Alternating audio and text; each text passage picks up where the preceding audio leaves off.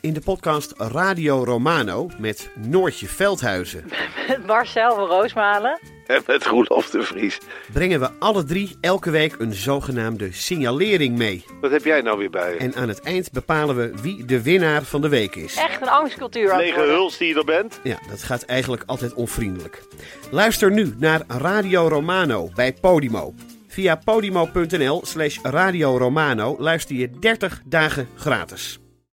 Ben jij of ken jij een vrouw? Of zie je er wel eens eentje lopen van een afstandje? Luister dan naar Damn Honey. Een podcast over shit waar je als vrouw van deze tijd mee moet dealen. Mijn naam is Nidia. En ik ben Marilotte. En in Damn Honey praten we met gasten en gooien we onze ziel en zaligheid op tafel over onderwerpen zoals fast fashion, Dik zijn, de menstruatiecyclus, worsten, validisme, catcalling, vrouwen in de politiek, sport en kunst, het niet-moederschap, seksueel plezier, autisme heteronormativiteit, porno abortus. en meer. Elke zaterdag in je podcastfeed.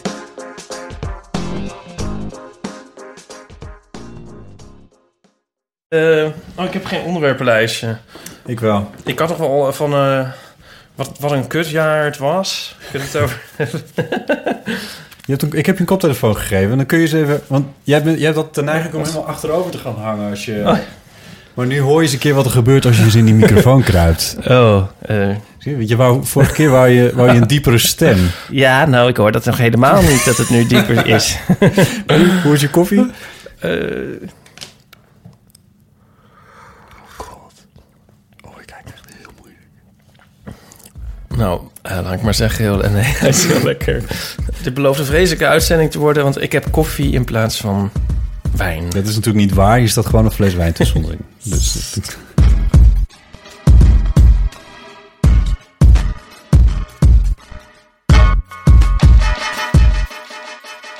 Welkom bij de Eeuw van de Amateur. En dit is aflevering nummer 23. Of de vierde die we samen maken, Ipe. Ja, eh, Eh Ipe Driessen is hier weer bij me, eh fotostripmaker. Eh, ik, had, ik had bedacht dat ik weer een mooie intro voor je zou bedenken, maar ik ben het vergeten. Hoe noemde ik je vorige keer nee, niet nog een keer zeggen. Nee, dan ga ik weg. Nee, iedereen, ik behoef geen introductie. Behoeft verder geen introductie. Dit is de vierde aflevering eh, eh, in dit seizoen. Vierde die ik samen met jou maak. En de afgelopen twee afleveringen hadden we steeds een gast. Namelijk, respectievelijk oktober was dat Linda Duits. En vorige maand in november hadden we Paulien Cornelissen. Dat was heel erg leuk. En toen waren we aan een soort, op, in een soort streak, hè? Dat was een beetje wat je zei. Dat was, vond ik eigenlijk wel een goeie. Z- eh, ik weet niet of we dit moeten... expliciet moeten maken. Nee. Dat moet een beetje zelf voor jezelf houden. ja, maar het is wel zo. Als je helemaal een paar goede gasten hebt... dan kun je zeggen van... nou, Paulien Cornelissen en Linda Duits zijn anders ook al langs geweest, hoor. Ja, maar wij vonden het een beetje een gimmick worden. Eh, we dachten, we gaan voor, nu voor de, de- deze speciale kerstaflevering van de Eeuw van de Amateur... gaan we Oh ja. even back to basics. Ja. Eh, gewoon weer even samen Ja. naar de bron. En er is veel om over te praten en dat komt allemaal goed. We gaan het hebben over de binnengekomen post. Eh, Ja, dat is wel een- het voordeel. Dat men, nu kunnen Linda en Paulien weer gewoon mailen. Ja, dan kunnen ze weer gewoon. Eh, er is een post gekomen over Che Guevara. Daar gaan we het zo over hebben. Eh, we gaan het hebben over sponsoring. We gaan het hebben over BNR, notabene. Ehm er is een vraag binnengekomen. Dus, laten we er zo mee beginnen. Dat is misschien wel leuker. En, eh, en dan hebben we natuurlijk nog onze eh, rubriek... die steeds een beetje beter wordt. De krant van drie maanden geleden. Ja, Ja, en we hebben, en we hebben wat vanaf nu een rubriek is. Eh, de nieuwe aflevering van wat nu een rubriek is. Ipe leest een boek. Ivo leest een boek. Heel goed. Ja. ja. En, en nog één ding zeggen, want de luisteraar zal wel denken van... hé, hey, eh, wat is er nou anders? Maar eh Botte heeft de klok stilgezet. Ja, het is Want dat waar. hinderlijke getik. Nee, in die ja, er andere staat aflevering. er staat nog Loopt hij nog? Ja, loopt nog. Ja. Niemand hoort dat. ik word gek van dat ding. Het is verschrikkelijk. ik, Ben jij een ik- beetje misofoon? ik, even nadenken, wat zou dat zijn? Ja, ik denk het. Is er, eh, heb je dat nog niet? eh, Dat is een nieuwe. Dat is heel erg in, zeg maar. Dat is wat vroeger de muisarm was. En daarvoor sick building syndrome. Ja. Is er nu eh, misofonie? Nou, ik moet eerlijk zeggen dat als ik van mijn klokje gek zou worden, dan is er nog wel wat. Want ze zijn hiernaast, het pand hiernaast, zijn ze op dit moment aan het heien. Dus om 7 uur s ochtends tot eh, 5 uur s middags. Maar dat is heftig, hè? ja. Nee, dat snap ik. Maar daar, daar zal iedereen last van hebben. Maar misofonie is zeg maar. eh, Dat is die klok. dat is ja, als je, als je niet kan, omdat je verbeeldt dat je een, een kever hoort schuifelen of zo, weet ik veel. Nee, nee, nee, dan ben ik toch niet... Nee? Hoe heet, hoe heet het nou? Misofoon. Misofoon. Maar je moet maar eens opletten, want het is dus echt heel erg in. Dat heeft nu iedereen. Een soort RSI van de jaren tien. Er verschijnen artikelen over en zo in blaadjes als Happiness. Ja, precies. Ja, In Happiness? weet ik niet. Weet ik Het veel. Ik lees niet natuurlijk. happiness. Dit maar, verschijnt in de eh, Unhappiness. Ja. ja, op Twitter en zo. Ja. Goed, die vraag die binnen was gekomen. We hebben het natuurlijk uitgebreid aangekondigd dat jullie eh, eh, allemaal vragen naar ons kunnen sturen. Die komt van ehm, Volkert, oftewel Efvalkert. Want het komt via Twitter. Ehm, ik ken Volkert wel een beetje. Ik weet een beetje wie het is. Hij werkt ook als een van de makers van de podcast Onder Mediadoktoren. En hij doet de MA, ME, eh, film- en televisiewetenschappen in Utrecht. De M wat? Jouw De alma MA? mater. De, ma- de master. De master, ja. Oh, het is gewoon een ordinaire student. En hij vroeg... Wat was jullie hoogtepunt van 2016? Vraagteken, vraagteken, uitroepteken, uitroepteken, dollarteken, procentteken. Accent circonflex, en passant, sterretje. Dus ik weet niet precies wat er... Of hij nou boos was op het laatst, maar... Oftewel, wat was ons hoogte? Ik moet eerlijk zeggen, hij stelde die vanmiddag... en toen heb ik er even over nagedacht. En ik kon niet op iets komen. Ehm, Jij? nou, ik schiet me wel nu iets te binnen, maar dat is eigenlijk dan nog. Ja, nee, dat is. Ik vind het moeilijk. Nou, ik, ik, ik dacht van als we. Als we, als, als we ook gaan terugkijken op het jaar, zeg maar. Ja, want het is per slotverrekening vandaag 20 december. Ja, Ja, dan dacht ik van. ehm, het is toch ook wel echt. Dit was wel echt een vreselijk jaar. ja. Ja, ik denk, ik Er heb zullen ook best wel hoogtepunten zijn geweest of zo. Maar ik bedoel, het enige wat ik... Of zeker vandaag, omdat het nu dan weer gisteravond die... die kijk, ik begin over een aanslag. Dat is een Ja. omgekeerde wereld. Maar goed, Ja. omdat gisteren die aanslag was op die kerstmarkt... en dan zit ik helemaal in die modus van... eh ellende. En, en Trump is vandaag dan echt gekozen eh, Ja. nog. En zo. Gisteren, ja. En, i- gisteren. Ja, ja, maandag, maar maakt niet Ja, uit. nou ja, ja, maar die, in Amerika Voor de, ook... voor de Trump-supporters was het wel een heel goed jaar Ja. natuurlijk. maar, Iedereen die een beetje wit is eh, en man is, eh, niet van het milieu houdt. ik ben ook wit en man. Ja, maar jij houdt wel van het milieu, weet ik toevallig. Ja, nee, Eh, ja. Nou ja, oké. Wel, je eet geen dieren. Oh dus ja, ik hou wel van het milieu. Daar ja, iets van. ja, nou ja. Moet- Maar Trump houdt niet zo van het milieu. dus, eh, maar goed. Nee, Maar- ik, ik kon... Ik, nee, dus eh, Volkert, sorry. Het is niet... eh, ik weet het echt even niet. Ik, ik, ik bedoel, ik ben dit jaar ben ik mijn baan kwijtgeraakt. Het is uiteindelijk wel redelijk, redelijk opgelost. Eh, ik was ook niet blij dat Trump werd verkozen. Want ik vind het een... Ik, ik vind, vind hem een beetje eng. Ehm, Prince is dood. Oh ja. Verdomme. Die was niet eens ziek of zo. Dat had echt niet gehoeven. Eh, David Bowie. Leonard Cohen. Ja, dat kan me dan Peter van Straten. Minder schelen. Peter van Straten. Ehm, Sharon Jones is dood. Maar, maar er- Volkert be- bedoelt natuurlijk een soort persoonlijk hoogtepunt. Maar Mijn Ehm. verkering ging uit. eh, misschien wel weer een hoogtepunt voor de verkering. Het was wel een mooie zomer. Het was wel een mooie zomer. Is dat zo? Ja, ja, ja. Ik kan me dus niks herinneren. Maar ik dacht, Facebook heeft toch van die filmpjes van... eh hey Ipe, dit was jouw jaar. Misschien moet ik dat even aan. gaan kijken. Ja, echt? Doe je dat? nou, dit, normaal niet. Nee. Maar nu kwam deze vraag en ik heb een soort blank. Ik ben helemaal, ik heb een soort blackout. Ik Weet je, niet onthoud wat- hem even voor op het laatst. Dan eh, komen we straks wel eventjes op terug. Misschien dat je dan wat te binnen is geschoten. Ehm, zullen we gewoon naar de post gaan? Nee, of wil je het boek eerst? Nee, de Het is, het is een fascinerend boek, want je hebt eh dat boek van Astrid Hollede meegenomen. Ja. En aan de achterkant te zien die in mijn richting ligt, heb je het ook helemaal uitgelezen al. Ja, nee, dit is de voorkant. Ja, de, de, nee, ik bedoel de rug. Oh, de rug. De ja. rug is toch een beetje een achterkant, hoor. Ja, ik heb het uit. Ja, het leek me wel leuk om een boek mee te nemen dat ik ook uit had. Ja, Ja, ik heb achter mijn hele stapel boeken liggen die ik nog moet lezen. Dat is ook wel leuk om het ook te hebben. Maar goed. Eh, zullen we eerst de post doen? Is dat een idee? doe maar. Oké. We hebben post gekregen namelijk, dus dat is hartstikke leuk. Ehm, beste Ipe en Botten, grappige namen overigens. Ja, dat is wel een beetje zo. Ja, wij hebben wel een beetje grappige namen. Ja, nou, misschien, ja. ja. Ik krijg heel veel opmerkingen over mijn naam altijd. Ja, Ja. ik niet meer zo. Ik heb het laatst opgezocht in mijn mailbox. Als ik intyp eh, Jelle Bottema, Ja. van alleen dit jaar... heb ik eh, 67 mailtjes gekregen die gericht waren aan Echt? Jelle Bottema. Ja, wat beste Jelle. Bottema. Oh ja. Ja. Ik, ik was vroeger heel erg ongelukkig over mijn naam. Of vroeger. Het is ook wel een beetje vreemd, want jij komt uit het nou, zuiden is ver, maar goed, eh, richting Rotterdam, daar kom je vandaan. En eh, je hebt een Friese naam, terwijl Mhm. weinig Fries... Ja. Nou, er is, wat er altijd gebeurt is dan... eh, ah, als ik iemand leer kennen en dan... eh, of nou, altijd, maar vaak. Dan zeg ik nou Ipe.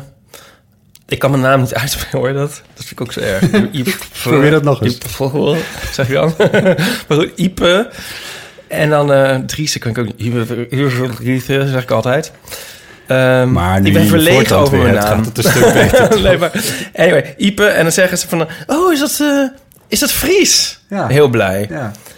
En dan, en dan, ja, vroeger zei ik dan altijd ja, ja, maar ja, maar ik ben niet Fries of zoiets. Ja. En dan was gelijk, zeg maar, die kennismaking een soort zo van, dan heb ik ze gelijk een soort van, Oh, dan het denk maar niet dat je slim bent of Want toen zo. konden, ze, eh, toen konden ze niet zeggen van... ja, maar want ik heb een oom die ook in Friesland nou, een huis heeft. Dat daar kom ik op. Want eerst, dus in die, deze situatie oh, komt er een soort teleurstelling in. Zo van, oh, maar je bent niet, nou jammer dan of zo, Ja. vervelend. Dus ik Kimmy Frisk net op tijd testen. Dat is wel heel spietig. Precies. Ja. En nu zeg ik dus wel...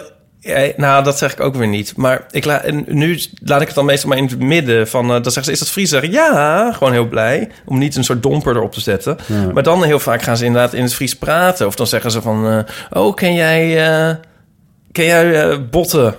uit, eh, uit Lauwert. Weet ik veel. Oh, Nee, oh, grapje. Ja. Maar weet je wat, dan denk ik ja, dat... En dan vind ik het dan ook weer moeilijk. Dan, Want alle Friesen kennen elkaar. ja. Ja. Maar ja, maar ik wilde me dus eigenlijk...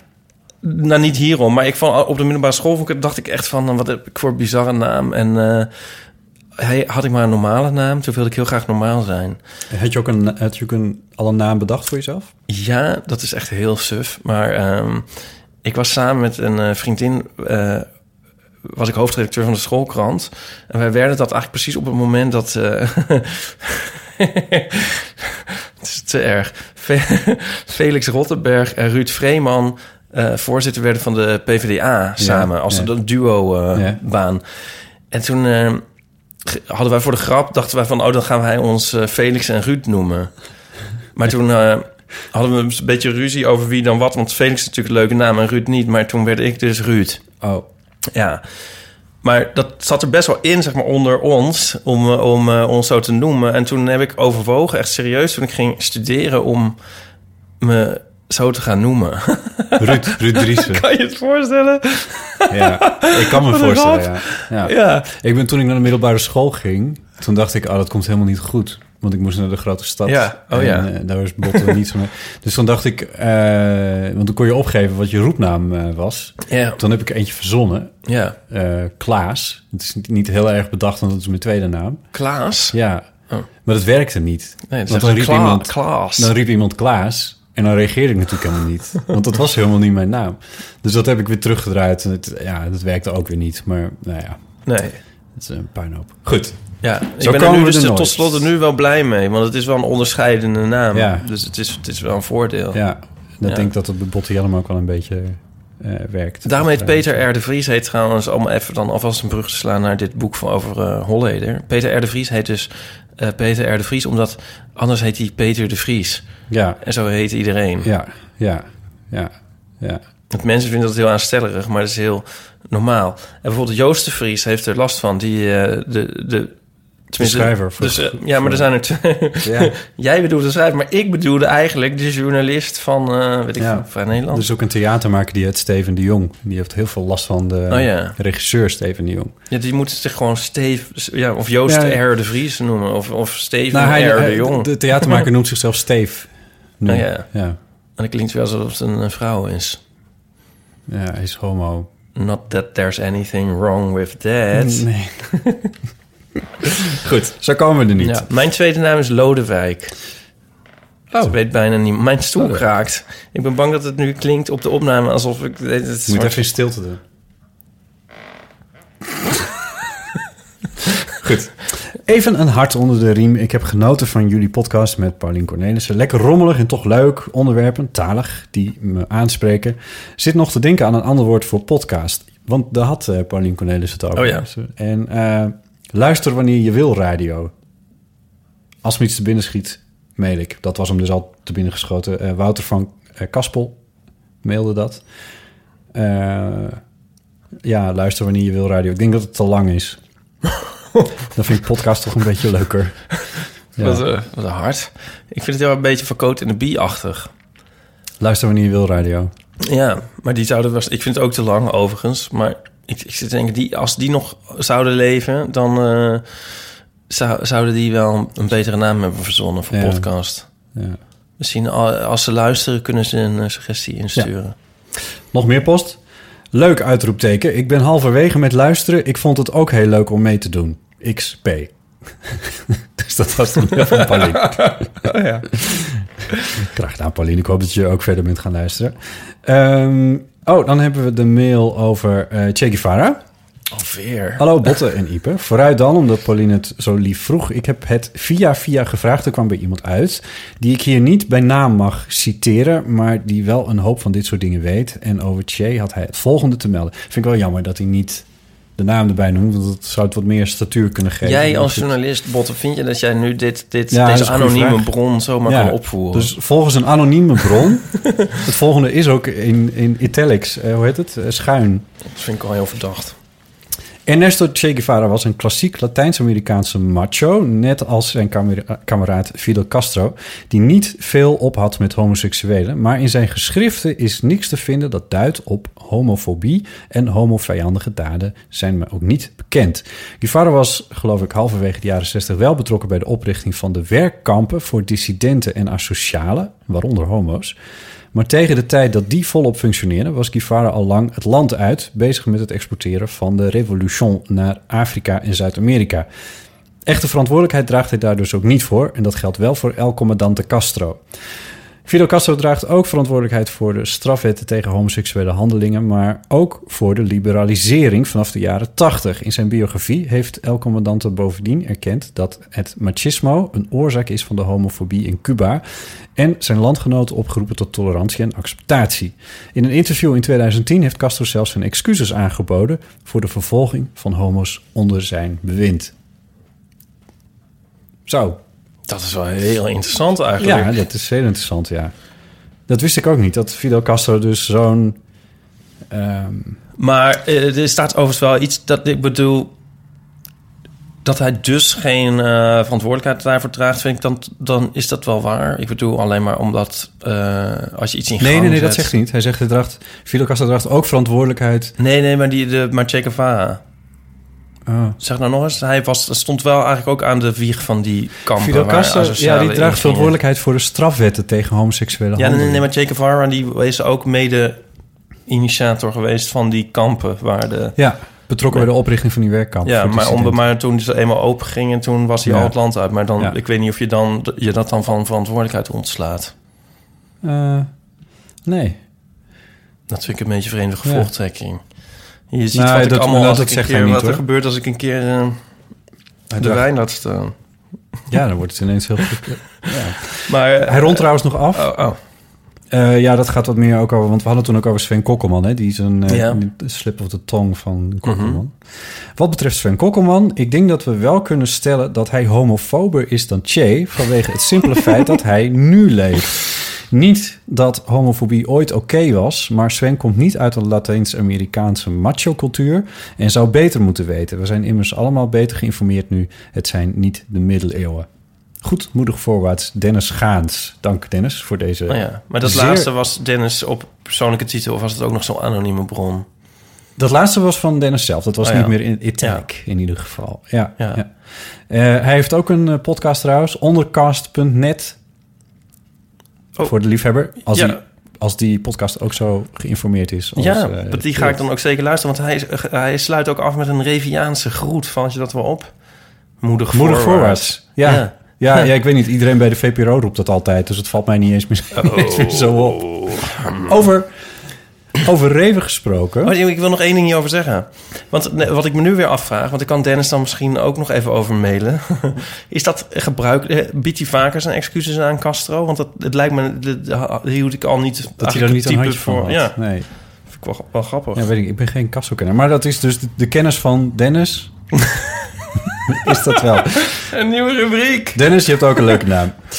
Ja, de- ja, maar hartelijk dank eh, voor deze informatieve bijdrage. Zeker. Ja, heel goed. Reven. Hans Smit. Oh, nee, je ging nog iets zeggen over Reven. Reven. Ja, nee, ik was toevallig in Utrecht afgelopen week. Oh ja. Afgelopen weekend. En toen zag je de eerste druk En toen avond nam Kenneth 500 Peters, euro. een gezamenlijke vriend van ons... die nam mij mee naar een eh antiquariaatje op de Oude Gracht... waarvan ik de naam vergeten ben, maar die weet jij wel. Hendricks en Windrix. En eh, daar hebben ze oude boeken en oude cd's. Voor de cd's kwam Kennen daar natuurlijk. Want dat is een liefhebber van klassieke muziek in zo grote getalen... dat hij ze niet eens meer in zijn eigen huis kan houden. eh, de cd's. Ehm, en daar lag in een vitrinetje een eh, klein boekje. De avonden. Simon van het Reven stond erboven. Eh, en er zat een klein briefje in gestoken waarop stond... Eerste druk 1947, 500 euro. Ja. Ik heb hem laten liggen. Oh, dat was nou een leuk eh, presentje geweest. om bijvoorbeeld op te vieren. Dat is wel onze vierde aflevering. Ja, nee. Ja. Ja. ik weet helemaal niet wat, wat normaal gesproken voor zoiets gevraagd wordt. Maar ik vond het wel bijzonder. Ik vind het, eh, dat is zeker bijzonder. Ik weet ook niet wat daarvoor 70 jaar oud. gangbaar is. Ik heb een eh, eerste stuk van Op weg naar het einde ooit gekregen voor mijn afstuderen, geloof ik. Maar die is wel iets minder prijzig. Ja. En er valt ehm, het stofomslag van uit elkaar. Deze, zag, de- de- deze was niet in mint condition. Maar zag er best wel goed uit.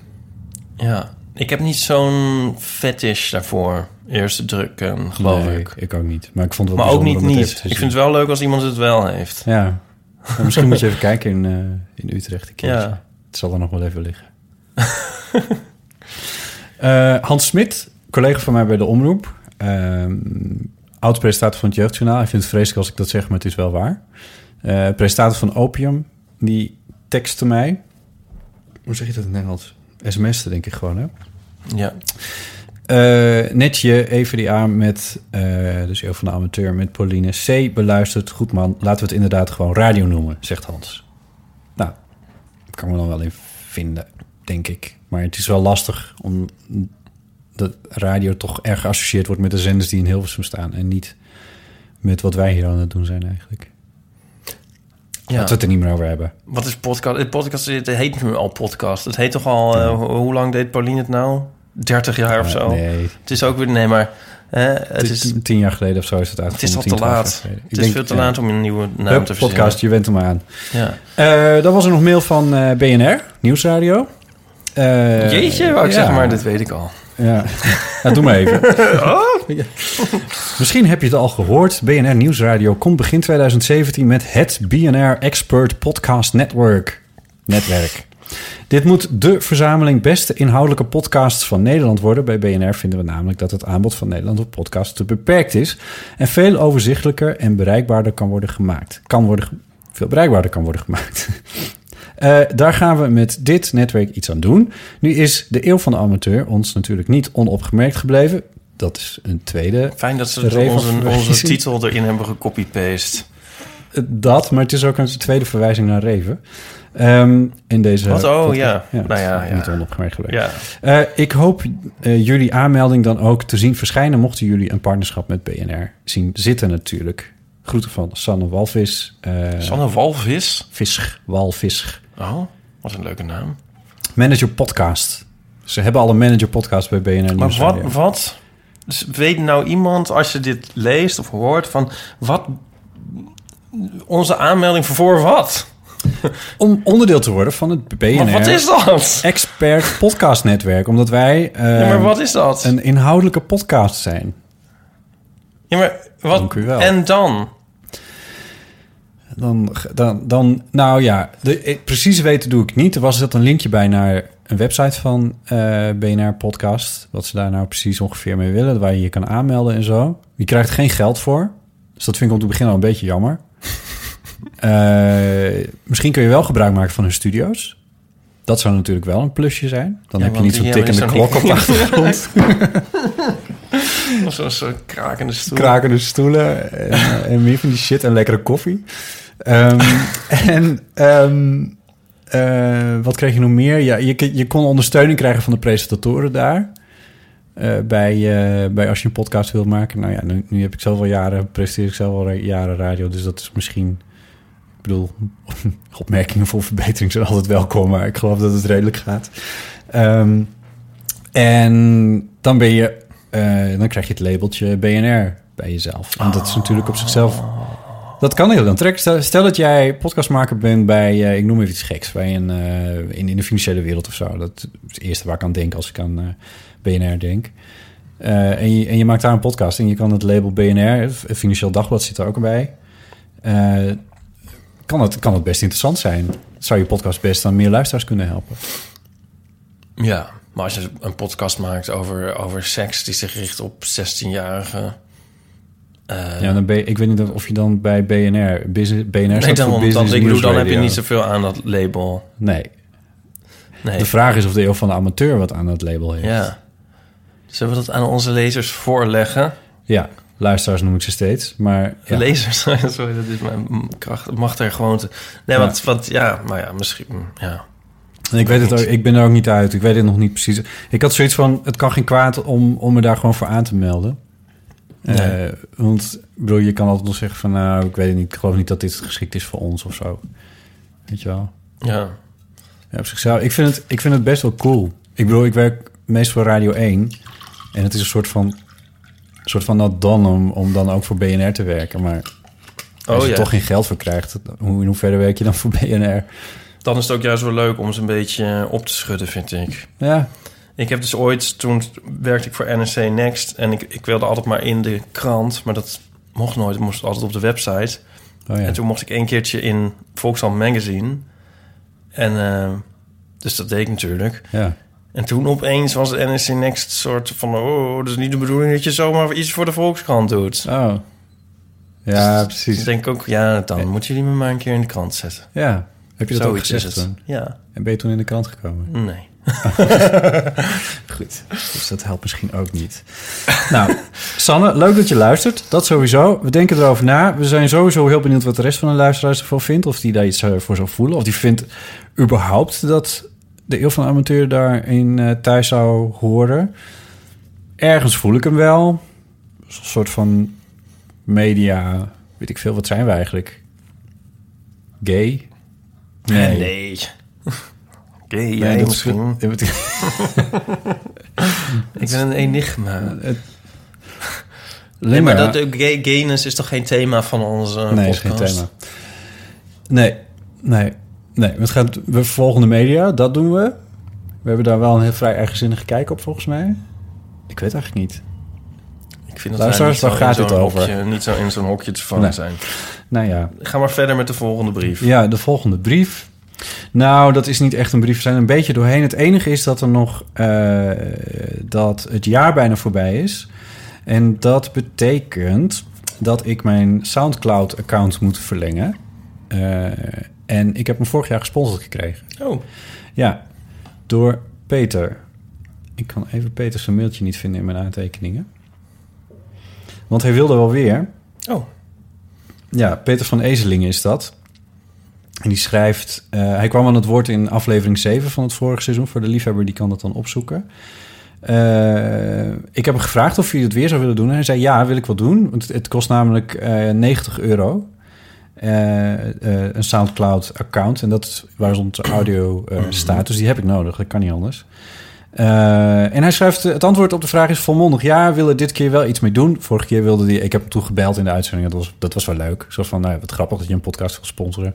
Ehm, maar hij zegt, ik wil nog niet helemaal wat. Denk ik over na. Ik ga volgend weekend twee weken naar China. Meld me daarna bij je. Kijk, Nou, dat is goed. natuurlijk wel superleuk. En meteen ook een oproep voor iemand die meer dan 90 euro wil geven. Nou, ik vond het wel leuk wat Paulien vorige keer zei trouwens. Dat zij zei dat als mensen iets maken of doen... Zijn ze nou gratis of niet? Dat weet ik eigenlijk niet meer. Dat, je dan, dat, dat zij altijd haar waardering dan uitsprak als ze die voeren. Dat dat heel belangrijk is. ja, En ehm, dat is ook zo. ja. Nou ja, er zit achter deel van amateur niet een echt businessmodel of zo. Behalve, eh, ik bedoel... Kan, ik- kan BNR ons daar niet mee helpen? Ja, dat zou wel interessant kunnen zijn. Wat ik nu, nou, misschien wel trouwens, dat zou zomaar kunnen. Want wat ik wel merk is dat ik eh, afgelopen jaar voor veel dingetjes ben gevraagd om bijvoorbeeld te vertellen over podcasting. Ja. Ehm, ook om gewoon dingen die niks met podcasting te maken hebben, om die te komen presenteren. Dus op een of andere manier. En weet je, en dat levert wel weer geld op. Dus dat is, dat is voor mij dan wel weer goed. Ja. Dat is natuurlijk heel indirect. De enige die er geen steek mee opschiet. Dat ben jij eigenlijk. ja, ja. Maar Ja, je moet je eigen wijn ook al meenemen. Het is niet, maar, maar ik vind ook soms van... eh, het is ook wel goed om dingen niet voor eh, geld te doen. eh, want dan blijft het ook wel leuk. Ik zou net zeggen, jij doet dat ook met je fotostrips. Ja, Je hebt elke Ja. maandag, dinsdag, woensdag, donderdag. ja. vrijdag, dat is dan een betaalde opdracht die je op je Ja. site volgens mij. Dan staat er ook eentje op. Maar je, hebt, je maakt vier per week voor niks. Ja. Dat vind ik echt heel erg veel. Ja, ik ook een beetje. nou zitten bij die vier meestal wel... eh, op zijn minst één die wel weer betaald is. Maar laat ik dan zeggen drie. Maar dat is inderdaad veel. Is En, dat een eh, businessmodel? Nou, het idee is dat je eh, inderdaad een naam verwerft. Ehm, Ja.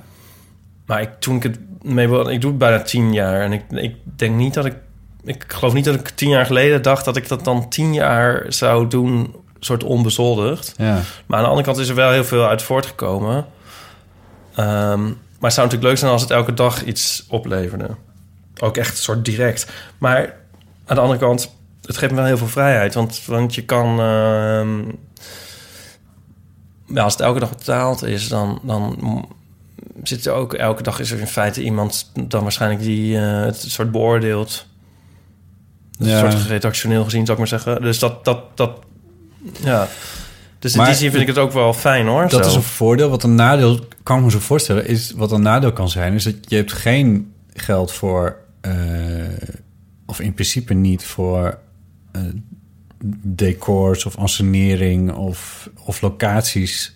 Ik bedoel, als je een keer naar een dierentuin gaat, dan moet je dat voor je plezier doen. Want anders dan kost het je gewoon geld. Als je een keer een fotostrip ja, in een dierentuin wil maken. Of laat staan, je, je kan ook nooit een acteur inhuren bijvoorbeeld. Je doet regelmatig, je doet nu ook weer een beroep op mij. Straks gaan we ook weer een fotostrip maken hier. Ja. Maar Eh, dat is wat ook ik super leuk vind ja. trouwens, hoor, dat is het niet. Maar ook je huisgenoten. Ja. Nee, het is best wel belastend voor mensen soms. En voor bijvoorbeeld ook voor eh, eh, Nico, mijn vriendje. Ja, Maar ik weet die niet de of... helft van de keer ongeveer in zit. Mm, ja, dat valt wel mee. Maar ik weet niet of dat ge- geld dat zou oplossen, dat laatste.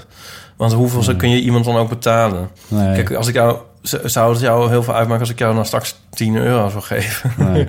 Of, of zelfs, zelfs 20? Nou, Nee. misschien. Nee, Nou, maar goed. Maar ja, Dus dat niet, maar, st- maar stel dat je Ja. een keer, weet ik veel... Heb je ooit met professionele acteurs gewerkt? Ehm, nee. Ik, eh, Wat is dat voor woord? nou ja, ik zit te denken. Het is een Ruud Lubbers woord. Nee. Jee. Ken je die? Toen zei hij jee. Hij, moest, hij, moest, hij mocht alleen maar ja of nee zeggen op een of andere vraag. Echt? Ruud Lubbers. En toen zei hij jee. Ehm, nou ja, ik bedoel, heel veel mensen die er al lang eh, eh, doen in mijn strip... Die, die zijn eigenlijk zo professioneel als ik ze maar zou willen hebben, zeg Ja. maar. Die kunnen dat helemaal. Ja, Ehm, Aaron bijvoorbeeld. ja, maar ik heb trouwens als, eh, hoe heet ze, was er toen... oh god, dan weet ik de naam niet. Wat erg. Ja, die, die actrice die- van ja, ja, ja. Aaron, die het Gouden Kalf heeft gewonnen. Ja, ja. Oh, En die, en die naam van die jongen weet ik dan natuurlijk weer wel. Zo- Of zo- zo'n typisch weer. Dat was ook een leuk stripje trouwens. In die strip weten we haar naam ook niet. dat is nog wel het ergste. Ja, dan speelt zij niet in de, in de Nee, huidige ze, ze speelt. Lucia de B in eh, de film. Oh ja. Nou, ik vind dit heel gênant. Ja, dit mag je echt niet. Nee, uitzenden. ze heeft ook een niet- beetje een moeilijke naam, hoor. Nee. Want Ariane Sluter. Oh ja. En dat kan natuurlijk Ariane zijn. Maar Volgens mij is het Ariane Sluter. Ja, Ariane. Sluter schrijf je op zijn Ja, Duits. en dan zeggen we in die strip van... eh, ja, eh, Marianne of zo. Ja. Oh, wat erg. En jullie zitten alleen maar om die, om die mooie jongen heen te hangen. Die er toevallig ook in Ja, huis is. maar dit mag je dus niet... eh, dit moet je niet... eh, nou, anyway. Nee, En, dat ehm, knippen we er allemaal uit. Dat knippen we er allemaal uit. Maar we- oh ja, nee. eh, wat, wat, is, wat je eigenlijk zou willen met mijn fotostrip dan... eh, is dat je... Of ik zeg de hele tijd je nu, maar ik bedoel gewoon ik. ehm, dat ik op de een of andere manier die strips wel maak voor, voor het publiek dat ik nu heb. En niet per se voor een blad of zo, of een krant of een site. Ja, Maar dat eigenlijk, eigenlijk zou ik natuurlijk gewoon geld willen van het publiek. ja. Want Ja, dan, maar ja, hoe doe je dat? Dat is hetzelfde als met een podcast. Dat is vrij ingewikkeld. En dan hebben dus wel eens mensen gevraagd: van, kun je geen doneerknop op je site zetten? Ja. Ja. Kwam, dat, kwam die vraag van mensen die van plan waren om geld aan jou te doen? Nou ja, dat, dat weet je dan nooit. Maar ik, ik push wel eens dat ze... eh, Of, of mensen een boekje willen kopen op mijn, eh, via mijn site. Dan verdien ik weer wat. En eh, toen, dan zeggen mensen wel eens van... Ja, ik hoef geen papier. In plaats van dat je nou gewoon eens een keer een doneerknop op je site Oh. zet. Klootzak. ja, Leuk- ik dacht altijd Ja, maar dan moet ik dat weer helemaal doen. En dan, en dan eh, als, het, als die er staat, dan zeggen ze natuurlijk van... eh, ja, ja, gierige kwal met je doneerknop. Dan maar niet dat je van mij een cent krijgt. Hier met je papier. In plaats dat je nou boekjes verkoopt. Maar ik denk dat ik het nu toch maar eens ga doen. Ja. Oké. Nou, misschien is het ook een idee voor de eeuw van de amateur. Ik ga erover nadenken. We gaan straks naar eh, de krant van drie maanden geleden. nu gaan we naar het boek van Ieper. Oh, oh ja. Een dikke pil. eh, Judas van Astrid Holleder. Van 571 pagina's. Met Ja. gelukkig in het midden plaatjes. Ja, het zijn wel... Het zijn wel eh, ik heb het met Sinterklaas gekregen, maar dit is ook bijna in chocoladeletters gedrukt. Dus je hebt het in twee weken uitgelezen. Nou, een- ik heb in een week. Nou, hebt het ja, echt zo zo groot zijn die letters nou ook weer niet. Man. Een beetje. Het valt wel mee. Ja, jij, je bent Maar het is trouwens hartstikke, gewend dat het ehm, niks is. Maar dit, dit, dit valt wel mee. Dit zijn niet hele kleine letters. Nou, oké. Belangrijkste vraag. Kan ze schrijven? Eh, jee. Oh, Je weet tegen wie je het zegt, hè? Een Holleder. Ja, oh ja. nou, daar zeg je ook alweer wat. Want zij zit in het boek geeft ze er heel erg... eh, hoe zeg je dat? Eh, vertelt ze erover? Ik Ben, is hij te ver weg? Nee. Dat... ja. ehm, Jee. nee, ik ga wel wat naar voren weer. Dat ehm, ze daar... Vertelt ze erover hoeveel last het daarvan heeft. Dat, van die naam. Dat mensen geen kritiek op haar durven te hebben of zo. Nou, of haar... Want ze is advocaat notabene. Ja. En... ehm, maar gewoon, ja, mensen gewoon worden gelijk bang. En eh, willen niet met haar geassocieerd worden en in zee gaan en zo. Natuurlijk vanwege die naam. Mhm. Dus dat is natuurlijk hartstikke lastig. Maar ehm, ik kan ze schrijven. Ehm, ik had af en toe het idee... Ik neem aan dat het een soort geghostwrite is. Of, of mee opge, of opgetekend ook door Ja. iemand. Zou kunnen. Het, het komt op mij heel erg over als een... heel erg... al- Als een uitgewerkt eh, interview, zeg maar. Oh, oké. Tenminste, je, ziet, je voelt de sessies, zeg maar, erin. Ja, ja, Dat het eindeloos verteld is en eh, dat is allemaal uitgewerkt en, eh, en gekneed tot dit verhaal. Ja. Het is bijna een soort. het voelt heel erg verteld aan iemand. En ehm er zit ook Uitgeverij zet het veel. nooit bij wie, wie, de redacteur is geweest. Dat is altijd wel een beetje jammer. Ik, vind, ik zou het wel leuk vinden. ik ook wel, ja. Ehm, er zit heel veel herhaling in. Oh, Ehm, 571 pagina's. nee, maar af en toe denk je echt van, nou ja, dat, nu weten we het wel. Dat, dan kun je zo'n half pagina overslaan. Maar dat is ook niet, niet een ehm, ramp. ik heb alles uitgezet, maar Die komt ja, een notificatie een binnen. notificatie. Ja. Dat Botten zijn huisvuil Dat ik moet huis buiten zetten. buiten moet zetten, ja. Maar ehm, Ja,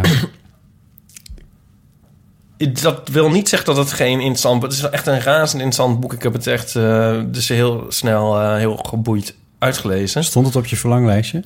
ja, ik vrees me wel. Waarom wilde je het zo graag lezen? Nou, ik... Ja, ik heb ook altijd het idee dat ik me dan half moet verdedigen tegen die interesse. Maar ik vind die hele... eh, eh, het, het- mijn huisgenoot vroeg dat heel verbaasd van... nou, ik wist niet je interesseerde voor eh, die criminaliteit. Maar dat doe ik dus wel. Ja.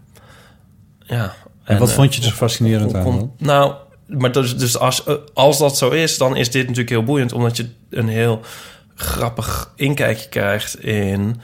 ehm, ik bedoel, normaal wordt dat eh, meer van buiten beschreven. En nu zit je er meer eh, middenin. En dat maakt het wel heel boeiend.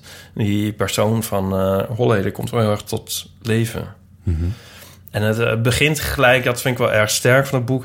met een ehm, beschrijving dat ehm, zij, Astrid Holleder, dus bij haar moeder eh, thuis op de bank zit... en ze kijken dan naar die eh, uitzending van eh, College Tour. Oh ja, maar die was ook, dat was ook echt gênant. Dat is heel gênant.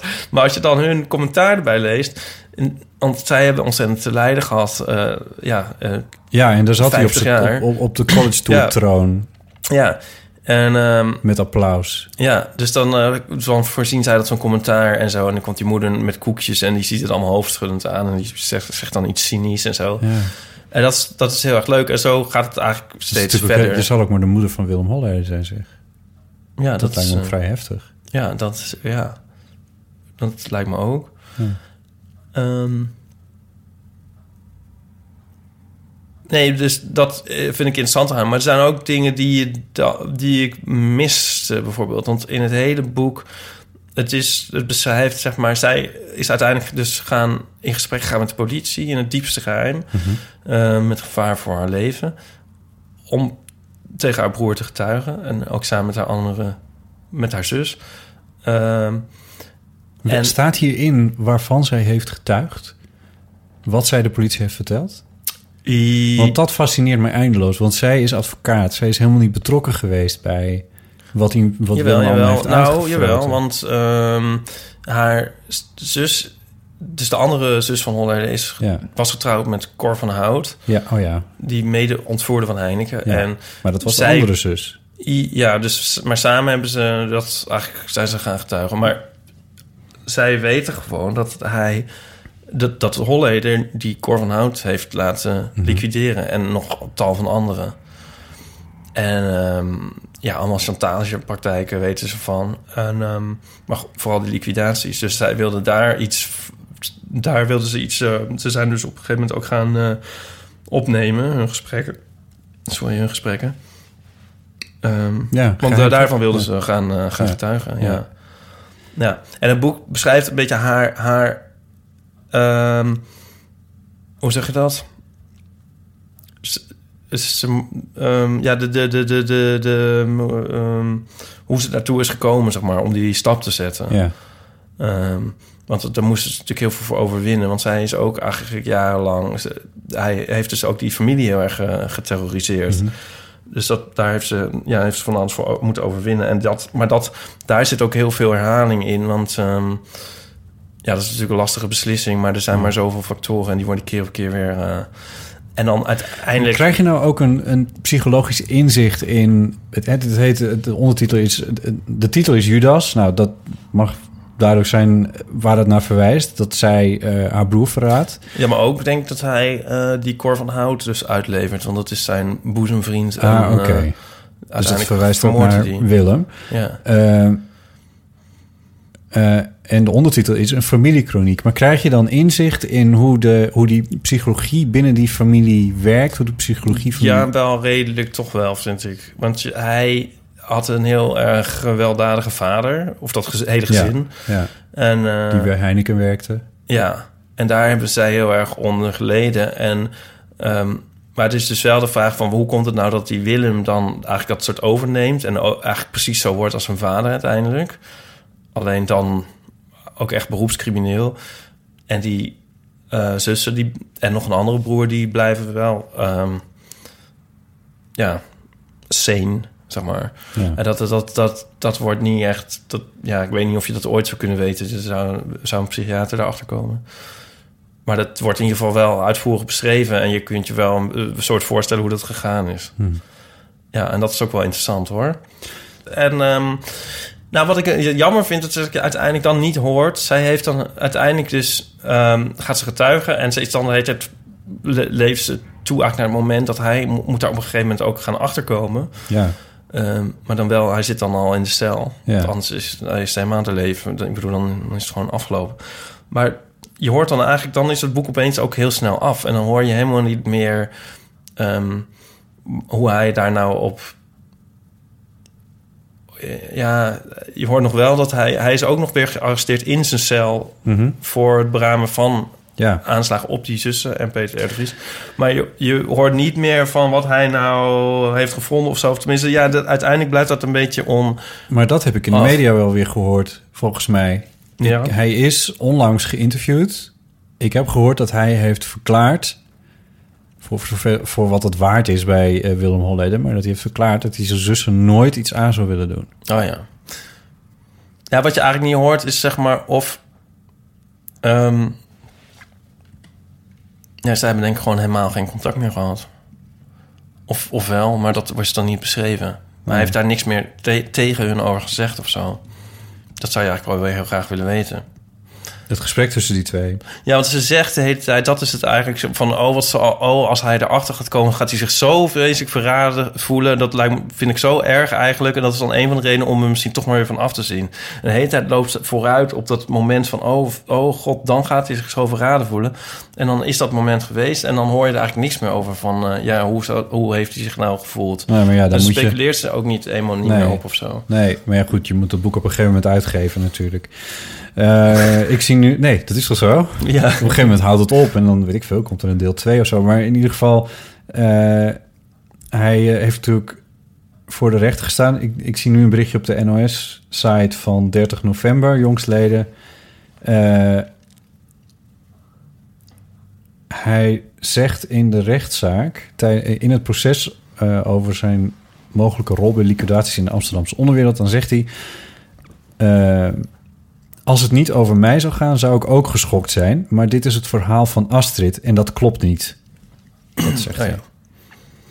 Hij zegt, ik heb mijn familie niet geterroriseerd. Ik heb altijd alles voor ze gedaan. Ze hebben altijd meegeprofiteerd van het geld dat Cor en ik verdienden.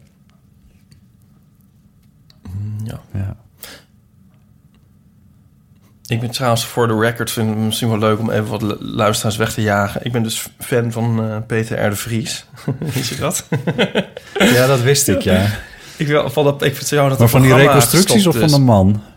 Nou, allebei eigenlijk. En ehm, in dit boek komt hij toch ook wel weer echt als een eh, enorme held naar voren. Hij wordt meteen met voorwoord bedankt, zag ik Ja, net. maar eh, hij heeft eh, heel goed geadviseerd. En ook wel dankzij hem denk ik dat eh Holleder nu eh, achter de tralies zit. Waarom ben je zo fan van hem? Nou, omdat hij... Ik vind hem heel erg... Ik vind hem eigenlijk best wel dapper. En ehm, hij heeft heel vaak... Hij heeft, ja, je, als je het programma langer hebt gevolgd, dan... eh, ik heb zoveel uitzendingen zijn er geweest... dat hij ehm, g- eh, gewoon dingen oplost eigenlijk, uiteindelijk. Ook, ook, ook helemaal niet zo heel beroemde eh huistuin- en keukenmoorden, zou ik maar zeggen... waar zich in eh, vastbijt. Maar ook natuurlijk die eh, grote zaken... Ehm, hè, van Putten en... ehm, Vaatstra. ja. En ehm, dat vind ik gewoon heel erg tof. Ja, daar doet hij gewoon heel goed werk in. Hm. Als politicus vond ik hem iets minder. Ja, er waren, Ja. Meer, er waren meer die dat vonden. Maar dat is echt niet niks hoor. Er zijn echt veel dingen die hij ehm, heeft opgelost. En ehm, nou, hier is zijn rol is bescheiden, maar wel eh, best wel doorslaggevend geweest hier. Ja. ja, ik ben niet zo fan van Peter Vries. Maar goed, ik, ik zie het programma niet, Ja. dus eigenlijk moet ik mijn mond er gewoon over houden. Want ik kan, Ja, ik maar het kan- programma is ook gestopt. Oh, dat helpt ook niet. Nee. Wou je nog meer over het boek zeggen? Nee. Oké. Cool. Ik vind het wel leuk trouwens. Kun je volgende keer weer een boek lezen? Ja, Mag dunner zijn. Ja. Lees je veel non-fictie trouwens? Het is natuurlijk non-fictie. Tenminste, ja, volgens, Holleder is het, volgens Willem Ja. Holleder is het fictie. Maar... Ja, ja, ja. Maar nu eh, lees ik eh, het bureau. Wat zei ik vorige keer geloof ik al. Eh, Omdat ik er had ik de geest dat zijn vier van dit soort eh, boeken, toch? Ja, zes geloof ik. Zes? Zeven. ja, maar, maar eigenlijk dan twaalf. Want dat is echt wat, eh, wat, wat dichter bedrukt. Maar ehm, of vanwege de verwarde cavia. ik was zo in die, in die kantoorstemming gekomen. Ja, ja, ja. ja. Oh, dus, oh, dus je bent naar aanleiding van dat Ja, je ja, Verwarde ja, ja. hebt gelezen... ben je met Ja. Begonnen. Ja, Ja. en eh, ik vind het wel. geweldig. Cool, leuk. Ja. Nou, we gaan ze Ja, bundel voor bundel behandelen. is goed. En dan gooi je het weer, weer onbevoorbereid hier op mijn, eh, op mijn bureautje. Dat vind ik wel leuk eigenlijk. Eh, even kijken. Oh, jeetje, we zijn alweer veel te lang bezig. Oh nee. Ja, eh, een minuut of vijftig of zo. Ehm, terwijl we de rubriek eh, De krant van drie maanden geleden nog hebben. Er moet een keer een goede tune voor komen. die we dan niet- Dat is de tune. Dat wij zeggen, oh, er moet een keer een tune komen. Ik vind het dus wel goed dat we ons nu eh, richten op de krant van exact drie Ja. maanden geleden. Alleen heb ik de vorige keer dat iets te letterlijk gedaan, vond ik. Want dat moet je dan volgens wel weer wat breder interpreteren. Dit is heel vaag, hè? Maar wat ik Ja. bedoel is het volgende. Ehm, exact drie maanden geleden was het dinsdag 20 september. En dat was stom toevallig ook Prinsjesdag. Mhm. Eh, daar, en, en dat was leuk en stom. Want het leuke is dat dat, dat meteen iets oproept. Een idee, een beeld, Mhm. een herkenning of zo. Eh, en stom omdat je dan meteen een hele dikke krant hebt om door te worstelen. Dus dat heb ik overgeslagen. Alles wat je over Prinsjesdag werken voor die ging... 90 euro van, eh van Nou, Peter. weet je, Ik heb deze week naar een podcast geluisterd... waar ik de titel helaas van, van, van ben vergeten... maar die komt voort uit De Correspondent. En ehm, onder andere Rutger Bregman. Dan moet je niet meteen zo'n lelijk gezicht trekken. Het zijn hele aardige mensen. Trek toch geen lelijk gezicht als jij zegt... dat je Peter de Vries zo leuk vindt. Ehm, en eh, eh, Rutger... eh, hoe heet hij nou? Zei ik net- ja, Bregman, ja. Ik, nee, ik zei het net nog. Eh, en eh, een collega van hem bij de correspondent... die hadden het o- ehm, over nieuws. En, eh, en daar zat... ehm, eh, God, hoe heet hij nou? Chef van de correspondent. Rob Wij- Wijnberg? Wijnbergen, die zat daar, Wijnberg, die zat daar bij. En die, ehm, eh, die heeft natuurlijk een keer een stunt uitgehaald... toen hij nog bij NRC Next zat... dat ze een keer op Prinsjesdag... eh, niet het nieuws van Prinsjesdag op de voorpagina hebben gezet. En dat, dat, daar hadden ze het nog eventjes over. En dat, ik weet niet of je je dat kan herinneren. Nee. Jij werkte voor die tent, hè? ja. Ehm, Was ook Rob Wijnberg waar ik het net over had. Oh. oh ja. Nou, maar goed. Eh, en eh, zijn punt is, en dat heeft hij al eens een keer in een boekje opgeschreven, dus dat is ook niet nieuw, maar dat hij, hij houdt niet meer zo van het nieuws. En dat was eigenlijk altijd al zo, ook in de tijd dat hij voor Next schreef. Dat was ook het hele idee van Next een beetje van... eh, De, het, echte nieuws brengen we je niet. Dat haal je wel uit, eh, dat haal je wel van het internet. Maar de achtergrondverhalen, daar richten we ons eh, veel meer op. En zo heeft hij dus een keer het nieuws van, Prins, van heeft hij overgeslagen. Nou, dat heeft de NRC niet volgehouden. Want eh, van afgelopen dinsdag stond hij helemaal vol. Met onder andere beschouwingen op, over dat het de laatste Prinsjesdag van heel veel Kamerleden was en zo. Dus er werd weer van alles bijgezocht. Op de voorpagina een ehm, foto van Melanie Schultz-Verhagen en haar zoontje van tien jaar oud. Die stonden beide in de krant. Dat vond ik wel opmerkelijk, want ik zie, je ziet eigenlijk nooit ministers met eh, kinderen. Nee. Maar goed, dat was zo. Ehm, en de opening van de krant was... eh, cijfers zijn goed, maar onrust heerst. Nou, volgens mij kun je dat bijna ieder jaar wel op de voorpagina. Prinsjesdag. Nou ja, cijfers zijn goed. Kun je trouwens niet ieder jaar Nee, zeggen. want dat was, dan hebben we jarenlang dan weer niet kunnen doen. Ehm, pagina 2. Trump en Clinton proberen munt te slaan uit aanslag. Oh, God. Want, ja, want eh, het weekend daarvoor, voor die dinsdag, de zaterdag, was die aanslag eh, op Manhattan. Hmm. Ja, nou ja. Ehm, en er stond er een groot artikel in over... ehm, weet je, dat sla ik allemaal over. De vorige keer verloor ik mezelf ook in zo'n soort onderwerp. Iets Mhm. groots en dit en dat. Want er is iets waar ik eigenlijk naartoe wil... wat eigenlijk veel interessanter was. Dat is namelijk... ehm, het was dinsdag en op dinsdag heb je... De, op de krant van dinsdag krijg je bij NRC de column van eh, Maxime Februari. Mhm.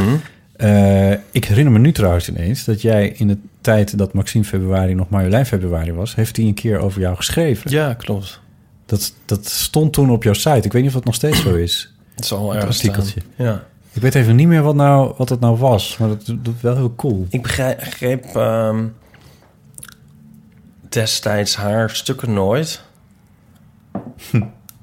En ik, eh, ik, ik, volgens mij was dat heel positief, maar ik weet het, maar ik weet niet zeker. Ze noemden onze strips hogere onnozelheid. Hogere onnozelheid, Maar ja. Dat klinkt niet zo positief, maar je de zegt hele onze, want dat was toen Ipe en Willem. ja, de hele teneur was wel heel positief. Ja, Ja. het was een positief stuk, dat herinner ik me. Ja, Ja. ja. En ik heb eh, toen zij en hij eh, was geworden, ik heb hem geïnterviewd een keer iets van twee uur lang of zo voor Oh de avonden. Ja, Oh ja, ja, dat was echt heel interessant. er nog online? Ik hoop het, want dus heel veel van het archief is verdwenen. Oh. Maar aangezien de VPRO nu ook groot inzet op podcasting, zou het zomaar weer ergens naar voren kunnen ik wel komen. eens willen horen. Ja, dat was echt heel leuk. Dat is ook nog niet zo heel erg gekke lang geleden. Ik denk 2013 of zo in de zomer. Ehm, maar goed, die column die was er dus. Ehm, van eh, Maxime. En zij schrijft, hij, verdorie. Sorry Maxime. Hij schrijft over eh, de donorwet. Want die was, eh, de week daarvoor was die donorwet aangenomen. Kijk, hier, hiermee bedoel ik dus dat ik dat dan weer een beetje breder interpreteer dan precies die Oh ja. eh, exacte dag Ja. dan zou dit niet kunnen, maar dit is, wat, dit is dan wel weer leuk. Want eh, hij schrijft dan, dat vond ik echt wel heel grappig... van ja, we gaan van nee tenzij, die donorwet, dat is Oh, dat, van ja. nee tenzij naar ja tenzij. Ja. En hij haalde daarbij van... ja, maar misschien kun je het ook nog nee mits of ja mits maken. En er waren een paar mensen die zich daarin vergist hadden... in de, in de hele discussie daarover. Er is toen heel veel discussie over geweest. En mits en tenzij wordt natuurlijk voortdurend door elkaar gehaald. En dat betekent compleet tegenovergesteld. Ja. Het is heel ingewikkeld als je hierover na gaat denken met een ontkenning erin. Namelijk nee, tenzij... Want het is al een ontkenning, et cetera. Het wordt buitengewoon ingewikkeld. Ehm, de redenatie die hij eh, in die column eh, eh, even erop nahield... was, was eh, een, een psycholoog die er iets over had geschreven. Eh, want die was voor de nieuwe wet, de ja-tenzij-wet... Eh, op basis van het psychologische gegeven dat wanneer mensen niet gedwongen worden om een beslissing te nemen, dat ze die beslissing uitstellen. Nou, dat was natuurlijk ook het hele punt van Pia Dijkstra, die deze wet voor, nou, namens D66 eh, heeft ingediend en door de Tweede Kamer heeft gekregen. Ehm, en toen zei de psycholoog van, eh, van nou ja, maar eh, hoe zorg je er dan voor dat mensen wel een soort... Want je moet wel een soort keuze maken. Als je geen keuze maakt, wordt er een keuze voor je gemaakt, zo gezegd. Eh, wat, wat het enige, zo zei de psycholoog, was de redenatie...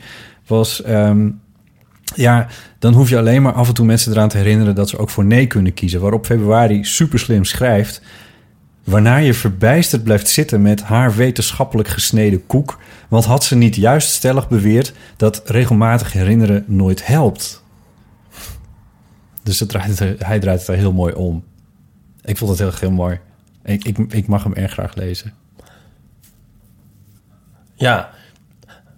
Maar was deze rubriek niet juist bedoeld dat wij nu zouden denken, kijken van eh, wat is er nu na drie maanden van dat rumoer overgebleven? En dat heb ik ook uitgezocht. Ah, nou, dat is nou, Want kijk, nu, dat was natuurlijk het leuke van de vorige... onder Wat de hadden we nou de vorige keer? Toen hadden we die... ehm, Nee, maar vertel maar wat er. eh, Nee, nee, nee. want Oh. we moeten die rubriek ook een beetje definiëren. Toen had ik dat verhaal... Ik had een heel moeilijk verhaal over een aanslag of zo. En dat vond je niet zo interessant. En toen kwam ik met dat verhaal van die man... die in Brunsum zijn vrouw in de tuin had begraven. Oh ja. En toen zei jij van... Ja, maar dat moet je uitzoeken. Ja, ja. Nou, dat heb ik niet uitgezocht. dat is niet helemaal waar. Ik heb het wel een keer gegoogeld nog. En het, eh, ik geloof dat het allemaal goed is gekomen. Dat die man, die vrouw, die ligt daar nog. En de gemeente heeft niet eh, weer graafmachine in die tuinen gerold of zo. Dus dat, eh, dat is al in, in dat opzicht goed gekomen. Deze, deze wet is nog spannend, die donorwet. Ja. Want het is door de Tweede Kamer... en daar was Pia Dijkstra extreem blij om... maar er was best wel wat controverse om. Omdat het namelijk aangenomen is met 75 tegen 74... Oh, dat ja. en er was één stem onthouding... en dat was een stem van iemand die eh vast zat in de trein. Het is echt waar. Die man heeft het later nog getwitterd van... eh, dat, Mhm. dat hij het verschrikkelijk vond... maar dat door een Ja. nare samenloop van omstandigheden... hij niet in de Tweede Kamer was. En, Gek hè, als je een trein neemt. Ja. En eh, nou, met de auto naar Den Haag kan ook een crime zijn, kan ik je vertellen. Maar ehm, wat ben je nou aan het doen? Nee, niks. Ik trek mijn pleister eraf. Ik ben zo benieuwd. Wat er onder die pleister Nee, zit. Wat, Je bent benieuwd naar wat er onder die pleister zit... en nou hoe dit verhaal nee, naar jouw verhaal.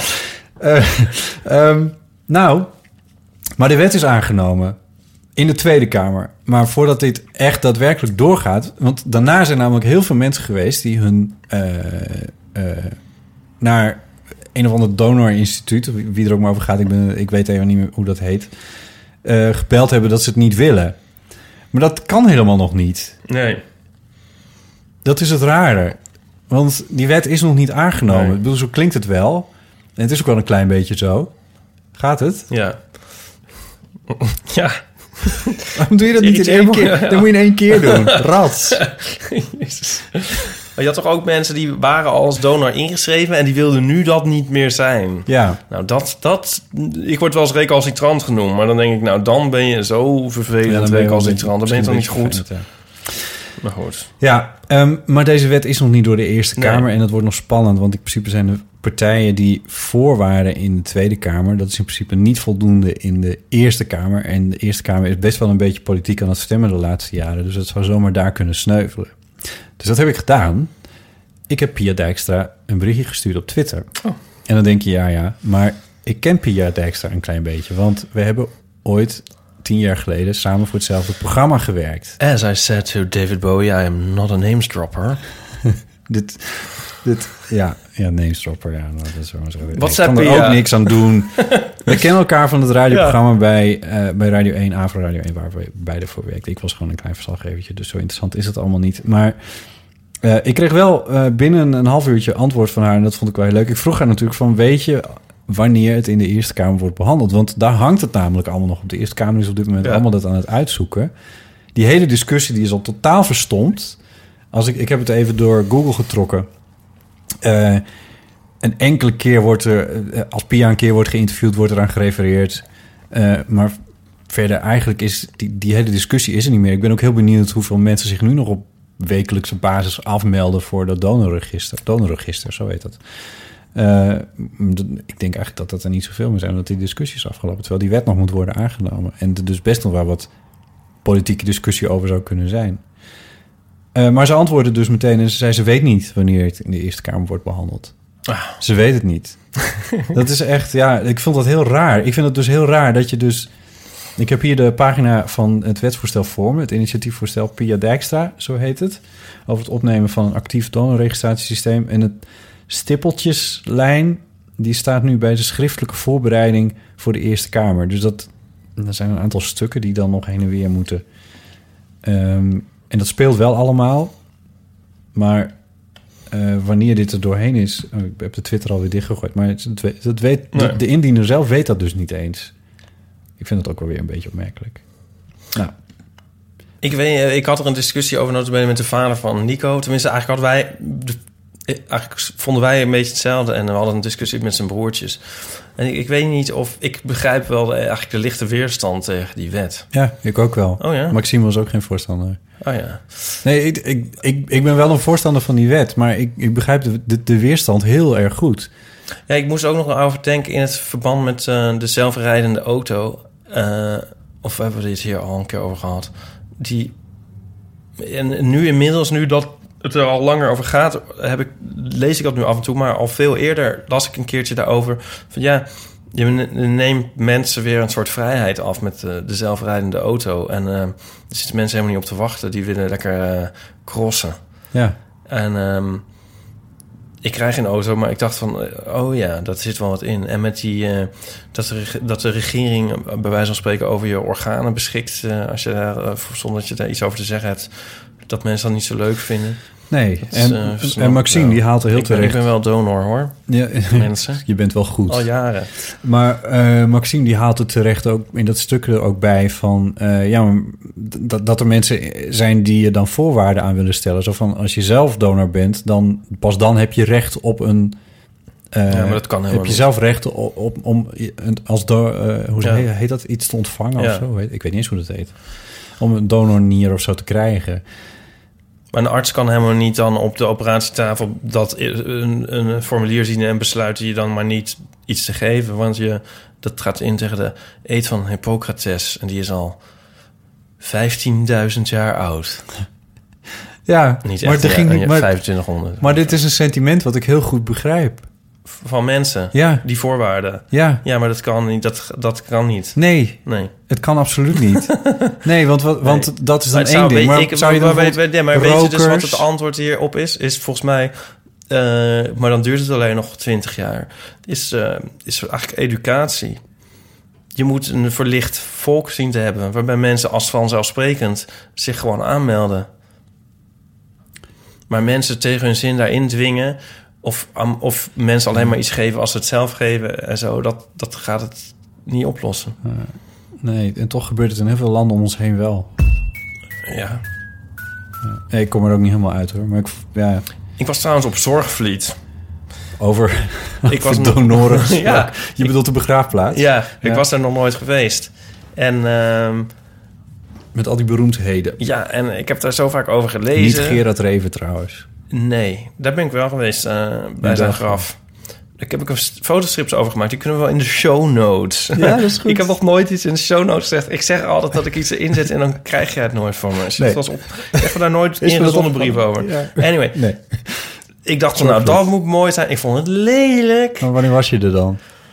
Nou, dat was wel een lelijke... Oh ja, dat was wel een lelijke... Oh god. Is dat mijn lijntje, dat heel dunne? Ja, dat hele dunne lijntje is jou. En als je dus dichterbij gaat, dan wordt dat Ja, ik lijntje een hoor beetje nou. dikker. Ja.